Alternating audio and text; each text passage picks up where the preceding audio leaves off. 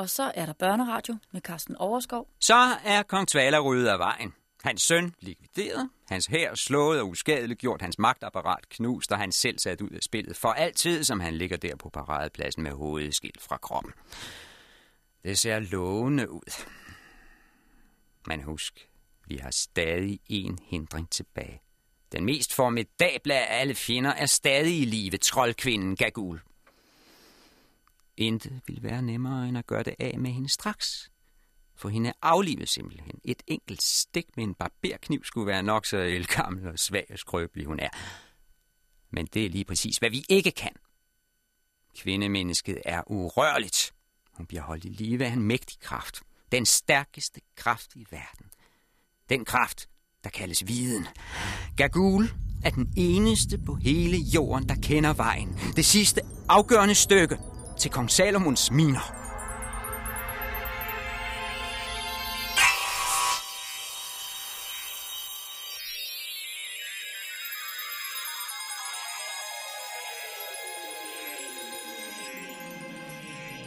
Den vej viser jeg ikke til nogen. Aldrig røber jeg, hvor de skinnende sten findes.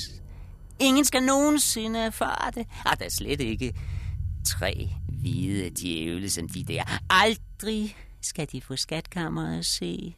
De kan få en lang næse i stedet for, kan de. Den hemmelighed, den tager jeg med mig i graven. De hvide herrer, de kan få lov til at lunde hjem, lige så tomhættede som de kom. Gagul lå på gulvet, som soldaterne havde slængt hende. En uformelig bylt af laser og indtørret hud. Hun lignede en bunk affald tabt bag af en vogn. Og dog talte hun. Og dog vågede denne ledeløse samling af knogler, der for længst burde have ligget fem fagne under jorden, at trodse en konge, sig fra midt op i hans åbne ansigt. Nej, lød det fra denne usle dynge, der var henslængt for Ignosis fødder. Aldrig måtte han høre fra denne ansamling af skarn. Aldrig i livet, lød det fra dette relikt af en old kvinde. Denne sidste rest af et levende menneske. At der overhovedet befandt sig et menneske nede i kludebunken, det blev kun røbet af øjnene. Dette brændende blik. Disse to stene slangeøjne, ondsindede og gule. Disse to svidende gløder midt i et udgået bål.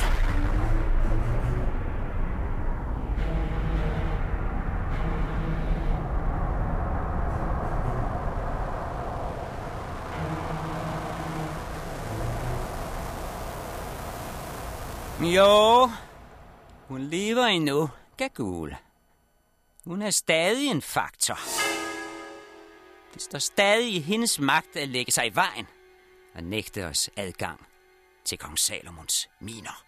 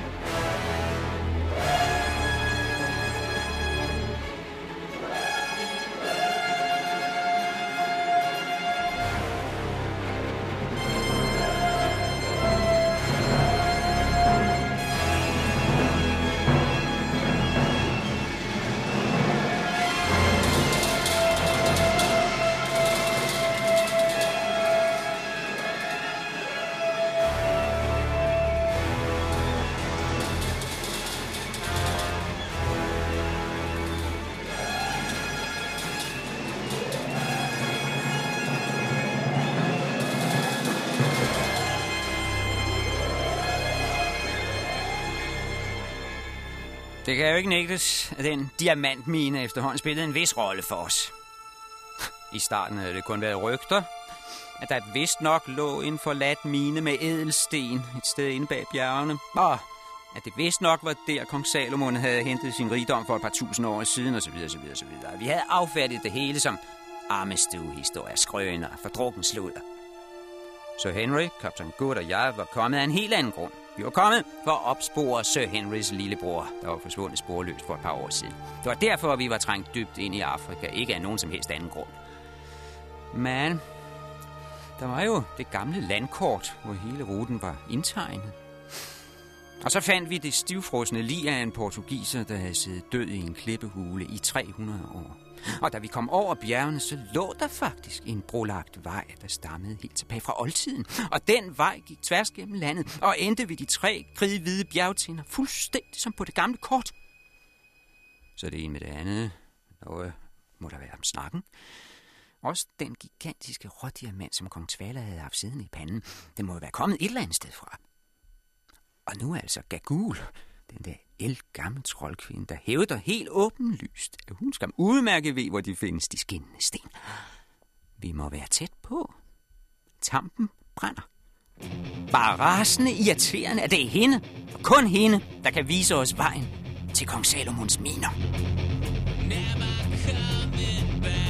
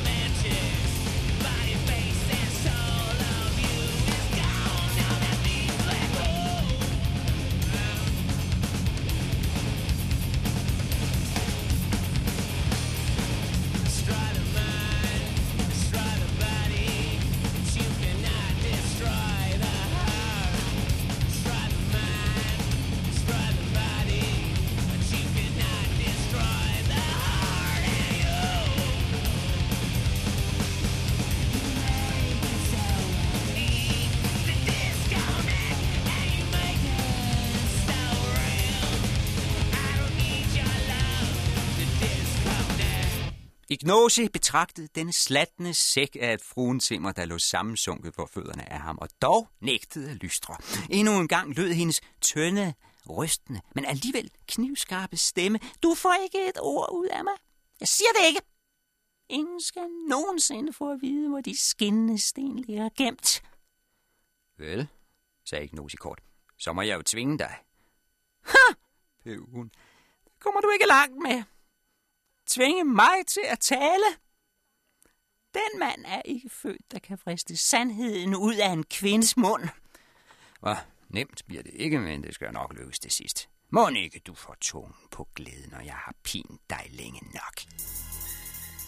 Ignosi kæmpede for at bevare roen i stemmen, men man mærkede tydeligt den indestængte harme. For os, der kendte ham, var der ingen tvivl. Han befandt sig på randen af et raserianfald. Ignosi var tæt på at eksplodere.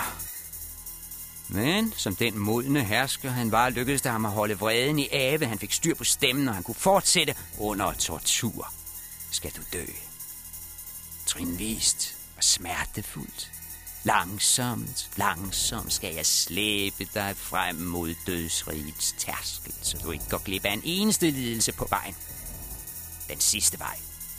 Vejen til døden, Gagul.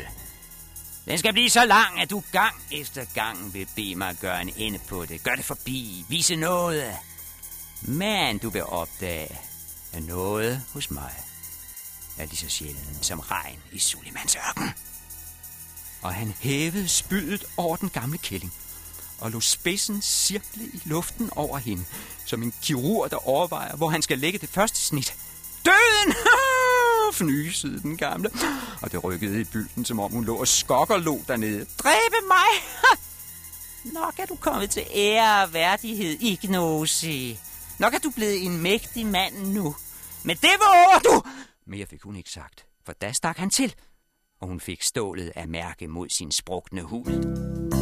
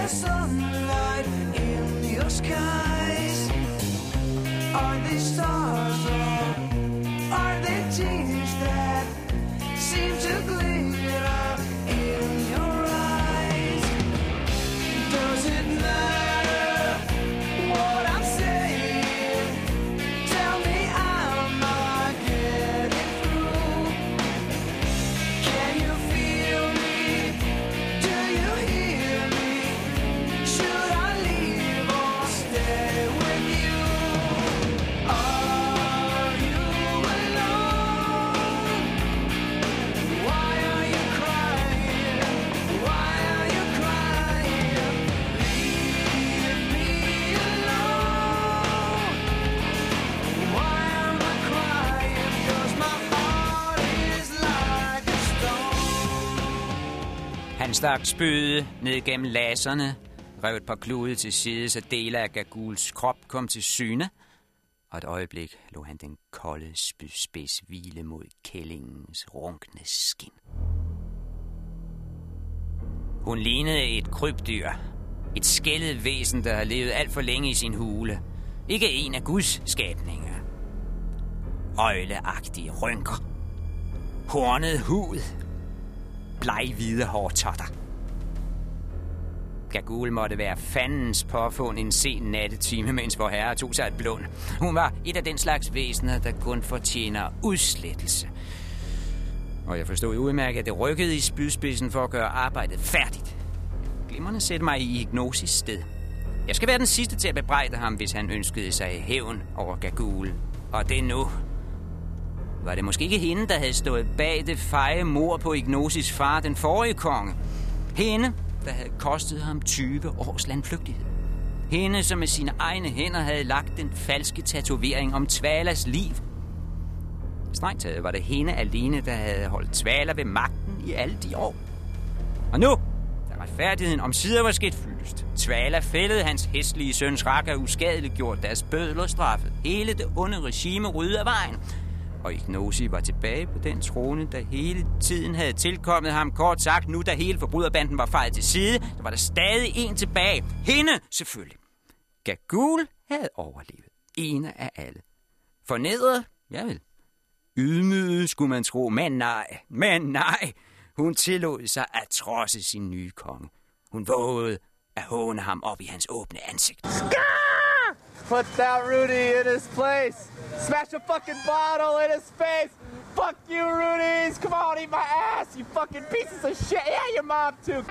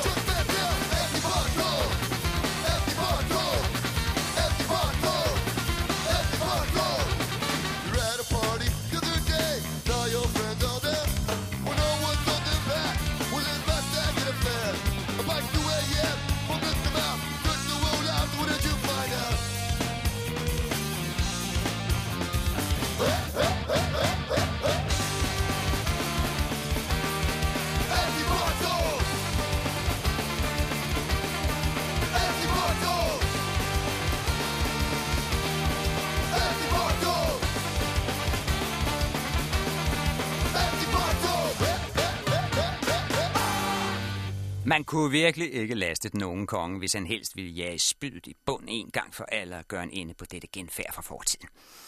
Ignosi havde retten på sin side, ingen tvivl om det. Helt efter bogen. Hans hævnfølelse var absolut på sin plads. Det drab, det skreg på at blive fuldbyrdet.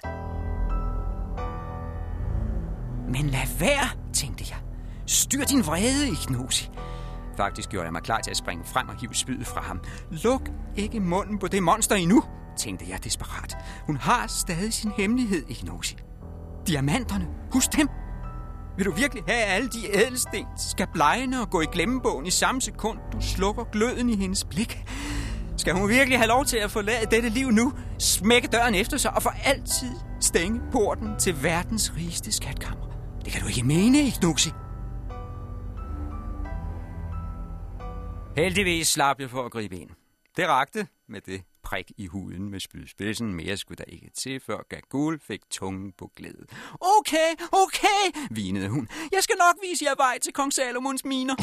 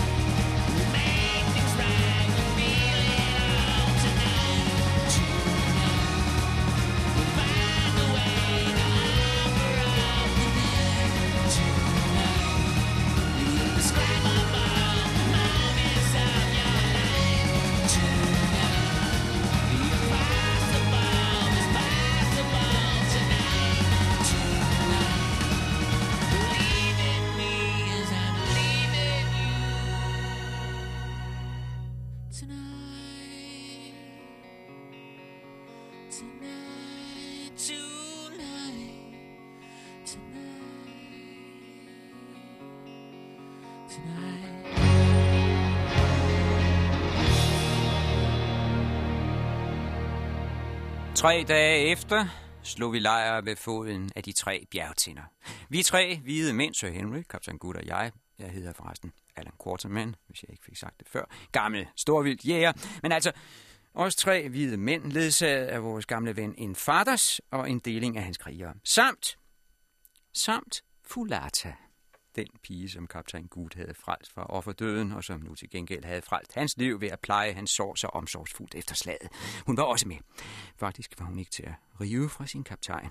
Hun fulgte ham med store, våde øjne, hvor han gik og stod. Noget han bestemt ikke protesterede imod, for Fulata var et fortryllende væsen, smuk og indtagende en sort skønhed af de sjældne. Og det er altid smirende for en ældre herre at være genstand for unge kvinders smægtende opmærksomhed. Jeg tror, han nød det, den gamle sømand.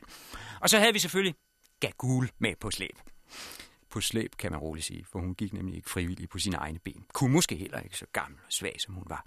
Vi var nødt til at anbringe hende i en bærestol for sig selv, med forhæng om, hvor hun lå hele vejen og bandede og sværgede og lovede bærerne af landsens ulykker, hver gang de bumpede en smule med bærestol. Men nu var vi altså fremme. Vi havde fulgt den stenlagte vej, til vi ikke kunne komme videre. Her endte den. Ved foden af disse tre enorme stenkejler, der står nogle mil nord for hovedstaden. Her slutter den slagende vej. Her hører alting op. Fra dette punkt hjælper ingen erfaring og ingen viden. Fra nu af gælder kun eventyrets fortryllelse og mareridtets gru.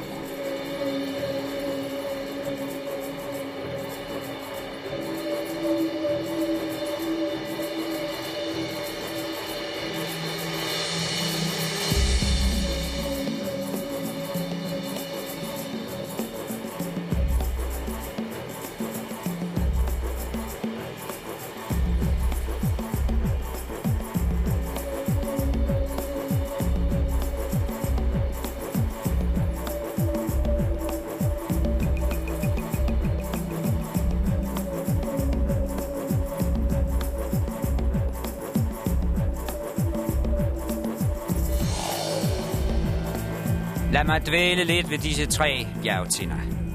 Disse kilometer høje spir strækker sig mod himlen som tårne rejst af naturen selv.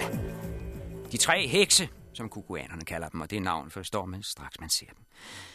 De ligner faktisk tre forstenede troldkvinder iført lange kapper og med spidse hatte øverst farvet hvide af den evige sne. Disse tre gigantiske stensøjler, de rejser sig pludselig midt i slettelandet. Uden varsel går det lodret op. Bræt skyder de til værs. 1, 2, 3, tæt ved siden af hinanden, og danner en dyb skål i midten. Den skål kommer vi til at høre mere om, men sent skal jeg glemme synet af de tre bjergtoppe i morgenlyset.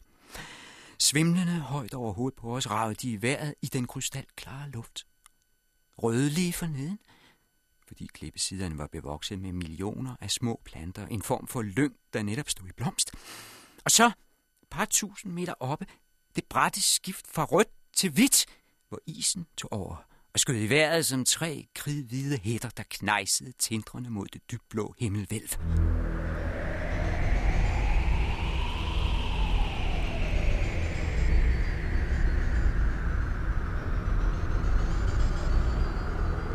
Hertil går den gamle oldtidsvej, og ikke længere. Dybere ind i det afrikanske kontinent kan man næppe komme. Et hul i jorden, vil nogen sige. En ravne krog. Verdens ende simpelthen. Men hvis verdens ende er så betagende smuk, så tager jeg gerne den med. Oldtidens ingeniører valgte rigtigt, da de bestemte sig for at lade deres vej munde ud netop her. Mere markant slutpunkt end disse tre himmelstræbende klippespir kan man ikke forestille sig. En hver vej skal slutte et sted. Spørgsmålet er udelukkende hvor. Her røber det sig, om vi står over for en vejkonstruktør af format. Og format, det havde de i oldtiden, i modsætning til vores dages fantasiforladte og fornærede vejvæsen. Dengang, nej, dengang, der vidste de nemlig, hvordan en vej skal ende. Den skal ende et sted, hvor jorden rækker ud mod himlen. Den skal slutte der, hvor intetheden begynder. Lad mig sige helt klart, at hvis disse tre bjergtinder midt inde i Afrika er slutningen på alting, hvis de er det fjerneste og det yderste punkt, nogen kan nå, ja, så løber jeg gerne linen ud. Igen og igen.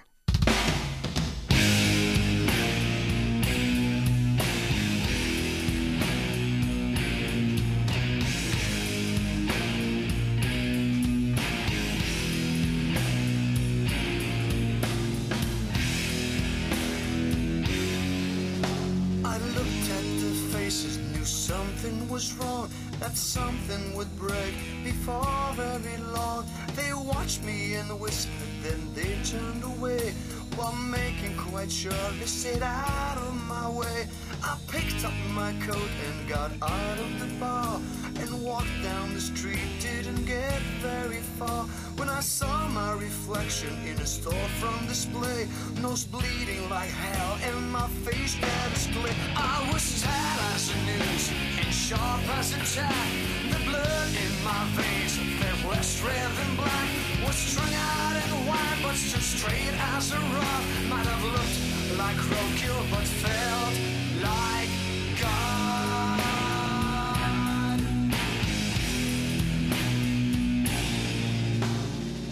When the sirens and lights all came down. The noise and the red and the blue flew around. A single policeman stepped out of the car. His hand on his holster, though he was quite far. The alley beside me was where I would run. From officer, freeze punk, cause I've got a gun. But I kept on running and hurrying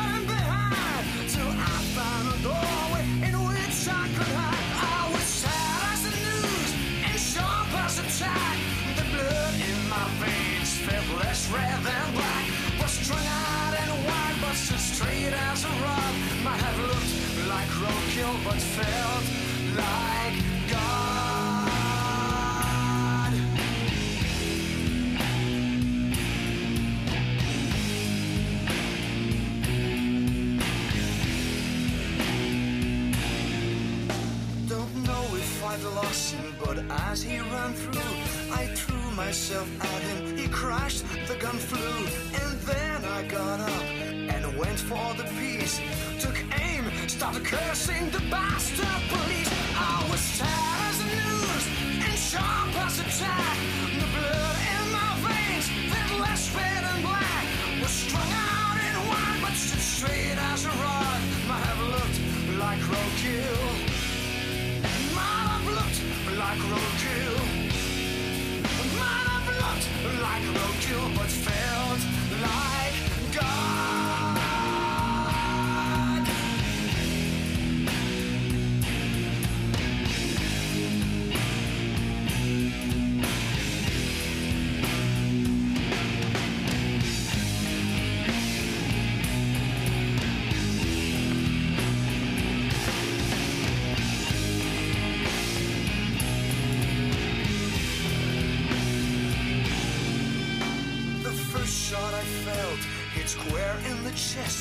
Was blown on my back in the garbage and mess.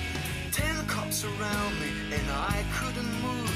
They kicked me until I was red, black, and blue. And I'm surprised that I don't feel a thing. Except I see nothing, my ears only ring. This ambulance ain't gonna make it in time. And my last regret is my last line.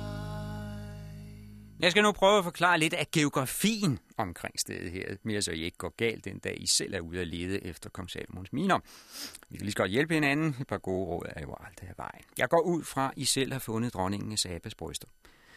De er ret i øjenfalden, dem lokaliserer man hurtigt. I kravler altså over dronningen af Sabas bryster, kommer ned på den anden side, ned i Kukuanaland. Der finder I den gamle oldtidsvej. Det er nemt nok. Det er altså ikke en stenaldersti, vi taler om. Det er en 20 meter bred, brolagt vej, der går fra syd til nord. Tværs gennem landet. Den tager man altså ikke fejl af. I følger den vej, passerer gennem Kukuanernes hovedstad Lu og fortsætter ud på den anden side. I bliver ved med at gå ind til vejen ender. Og der ligger de tre bjergtoppe, jeg har talt om. Nu kommer vi til det svære inde i hullet mellem de tre bjerge ligger der en ekstra hulning. Det går dybt ned, som en kæmpemæssig skål, cirka en kilometer bred og mere end 100 meter dyb. Skrænterne er tilgroet med græs og buske, så først tror man, det er en naturlig dal, men kigger man nøjere efter, så kan man se, at den er gravet af mennesker. Der er stadig spor af spader og hakker ned langs siderne. Så vil de fleste tro, det er en, en grusgrav. Det tror man, når man sådan lige ser den. Men jeg vidste bedre, straks ved første øjekast. Jeg har set mange tilsvarende huller nede i Sydafrika. Jeg var ikke et sekund i tvivl. Det var en diamantmine.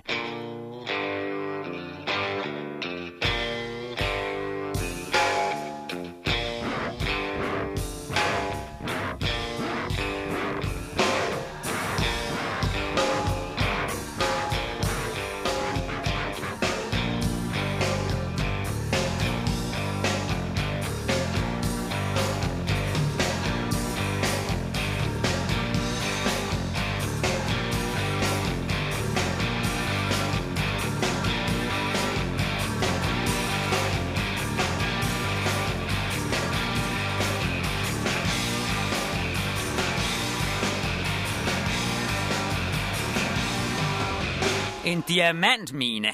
Fuldstændig som dem, man ser i vore dage nede i Kimberley. En åben minegruppe, hvor tusinder af arbejdere år efter år har fjernet bjerge af blåler for at afdække de år af skifersten, hvor diamanterne findes. Man så også tydeligt de fliser i bunden, hvor man har ligget på knæ og vasket leret af stenene for at få diamanterne frem. Skylleborer kaldes de i vore dage, men de har åbenbart brugt fuldstændig det samme princip i oldtiden. Vi stod altså ved randen af et menneskeskabt krater. Vi vidste, hvorfor det var gravet, og hvad de havde gravet efter. Og vi havde en begrundet formodning om, hvem der havde stået for det selveste kong Salomon. Det var den mark, hvor Bibelens største fyrste havde høstet sine ædelsten for 3.000 år siden.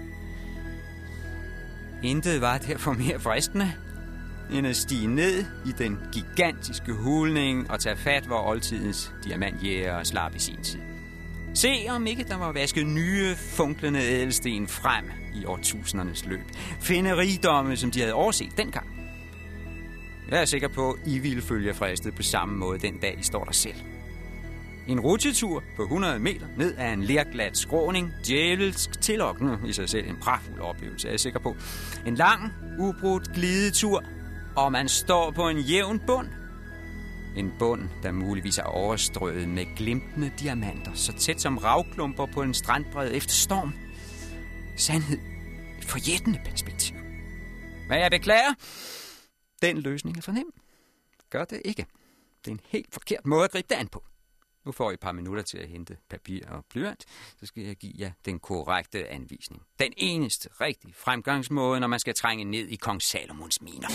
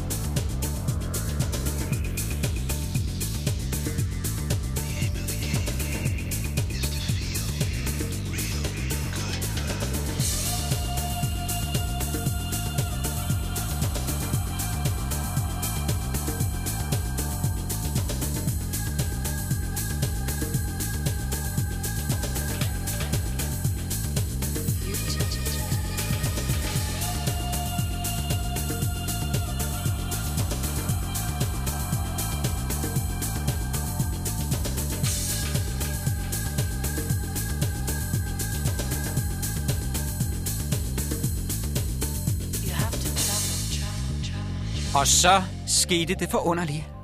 Gagul hoppede ud af bærestolen let og elegant. Pludselig var der intet i vejen med hendes ben. Hun stavrede afsted. Og ikke ud til randen af gruben, men rundt om den. Hun nærmest løb en stor halvbue langs med kanten, indtil hun var over på den modsatte side ved foden af bjerg nummer 3. At se dette udtærede abelignende væsen pludselig spurte løs i fuld fart. Det kom i den grad bag på os. Faktisk havde vi svært ved at følge med. Kaptajn Goats, Henry og jeg samt fuld af som kom trippende bagest med en madkur. Vi nåede lige at aftale med en faders, hvor de skulle slå lejr, så ilede vi afsted for at indhente den gamle kone. Da vi endelig kom om på den modsatte side, og det var mindst en kilometer væk, stod hun og støttede sig op ad klippevæggen og grinede ondskabsfuldt. Nej, ha, I hvide mænd fra stjernerne. Skal vi så se på de dynger af skinnende sten, som I er så hungrige efter? Vi er redde, sagde jeg, lidt af forpustet. Hun stod ved siden af en indgang, der var hugget i bjerget. Til synlædende en ganske almindelig minigang af den type, man ser ved bjergværker. Åbningen til den gang, der fører ind til skakterne. Tag jer sammen, hvide mænd. Saml alt det mod, I har. I skal få skrabbe sager at se.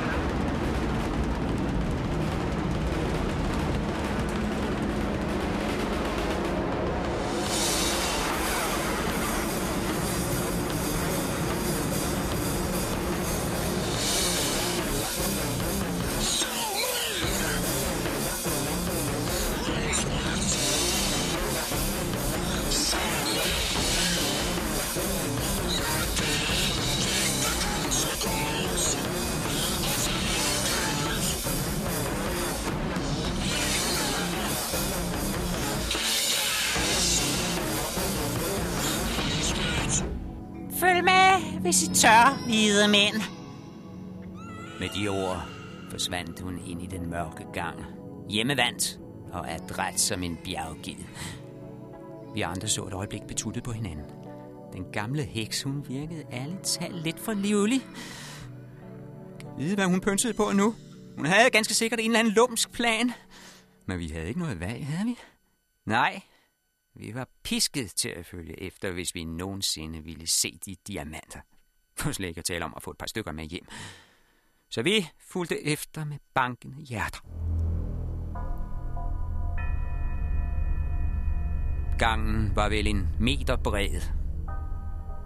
Der var lige netop plads til, at Sir Henry kunne komme igennem, og til at to mere normale personer kunne gå ved siden af hinanden. Det benyttede Fulata sig af. Den unge kvinde klyngede sig til kaptajn Gut. Ja, han havde prøvet at få hende til at blive ude.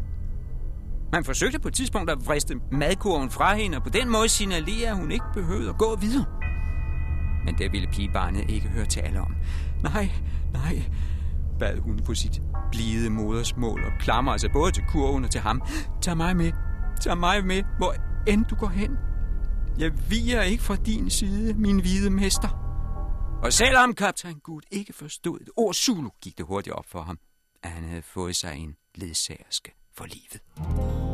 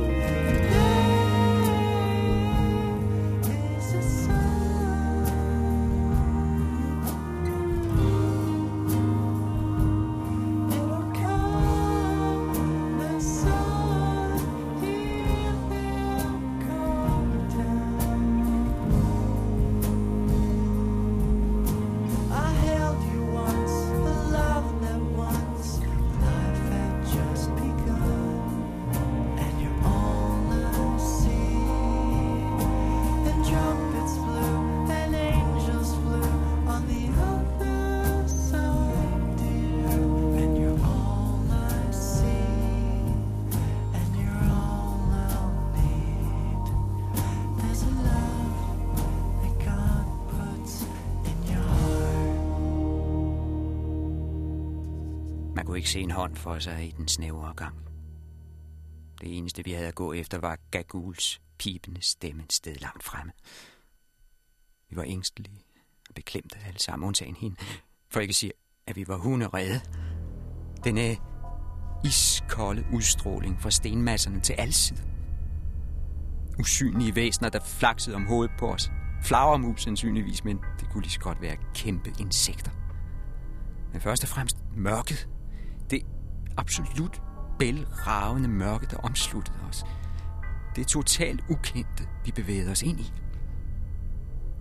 På hvert skridt vi tog, kunne stengulvet forsvinde under fødderne på os. Jeg vil tro, vi alle sammen prøvede os frem med tågen, tomme for tomme, før vi vågede at tage det næste skridt. Uden varsel kunne der åbne sig en skagt. Inden vi anede det, kunne vi styrte i dybet, befinde os i det frie fald mod jordens indre. 100 meter. 500 meter. Hvem ved?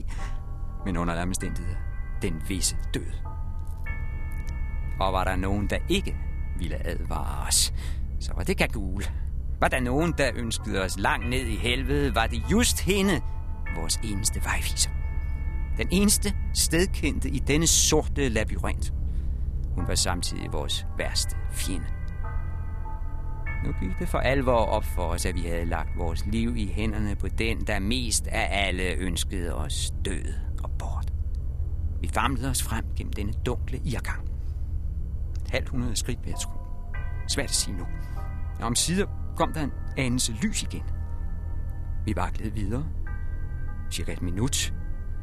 Skæret blev stærkere og stærkere. Men det var umuligt at se, hvor lyset kom fra. Ikke før gangen drejede. Og så...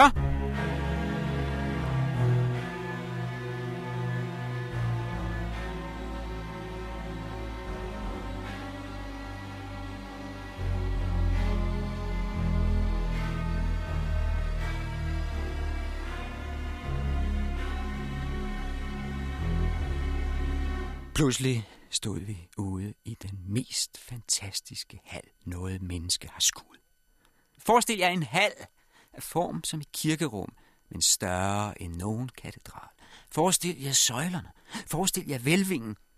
Ingen glasmosaikker, ganske vist. Ingen vinduer i siderne, men lys, der vælger ned fra oven. Umuligt at se, hvor det kom fra. Der må åbenbart have været en åbning i toppen ud til det fri. Der stod et bundt af solstråler ned fra loftet. I sandhed et, et himmelsk lys. Og en himmelsk lyd også.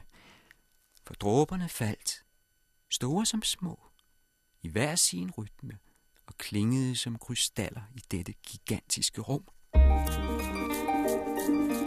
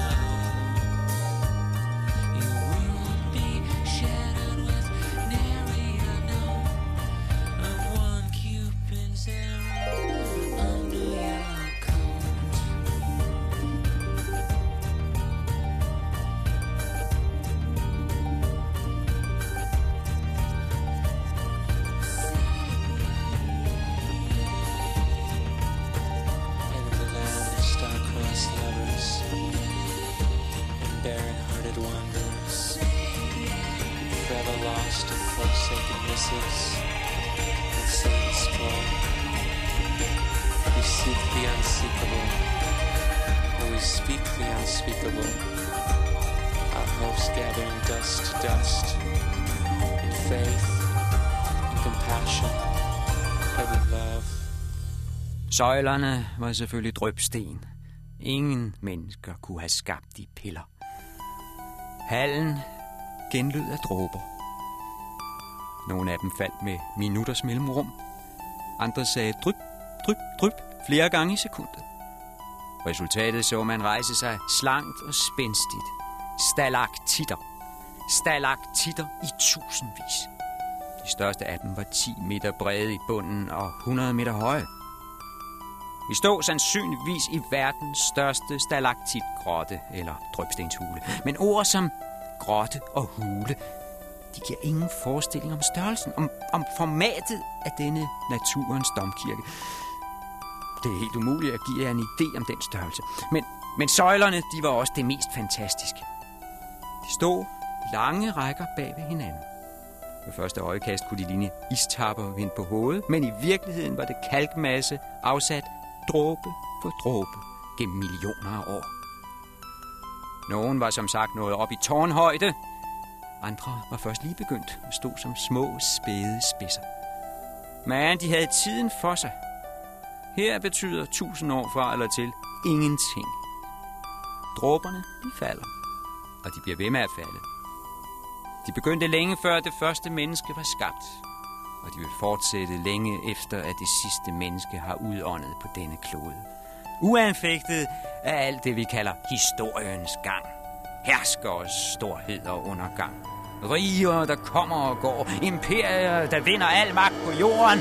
Og derpå synker i grus. Ja, Gud, det er småting, når man står et sted som her. Ironisk, at dette sted bliver kaldt Kong Salomons miner. Efter den mand, der rejste verdens prægtigste bygning engang, templet i Jerusalem. Hvor er det tempel henne i dag, spørger jeg? Der er ikke sten på sten tilbage. Hver en kårkedel er smeltet, og hver en sædertræsbjælke brændt til aske. Det eneste rum, der er tilbage og minder om, at kong Salomon overhovedet har eksisteret. Det er dette. Her mødtes de muligvis, han og den kvinde, han var besat af, dronningen af Saba. Her i denne søjlehal af stalaktitter, som han aldrig selv kunne have bygget.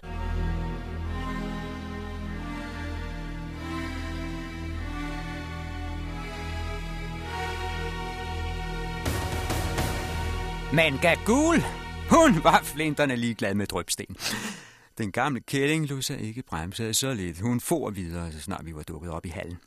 I hjemvandte zigzag bevægelser ind og ud mellem de enorme søjler, pilede hun afsted tværs over gulvet. Igen havde vi andre ondt ved at følge med.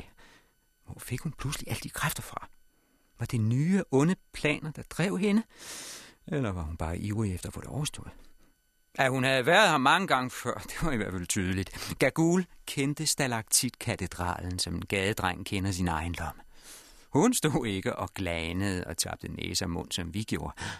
I det hele taget var det vist længe siden Gagul havde måbet over noget som helst.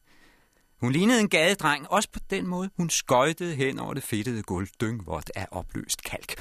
Denne oldkvinde, hun fløj afsted lige så sikkert som et barn på en glidebane om vinteren, mens vi andre, Sir Henry, kaptajn Good, Fulata og mig, vi kom haltende bagefter og havde det allerstørste besvær med at holde os oprejst. Der stod hun så foran en ny gang. En ny åbning, der førte ind i et nyt mørke. Hvad det mørke gemte, hvad der befandt sig inde bagved, det kommer jeg til næste gang. Men lad mig sige allerede nu, at det syn, der ventede os, var så redselsvækkende, at jeg har overvejet at springe det over.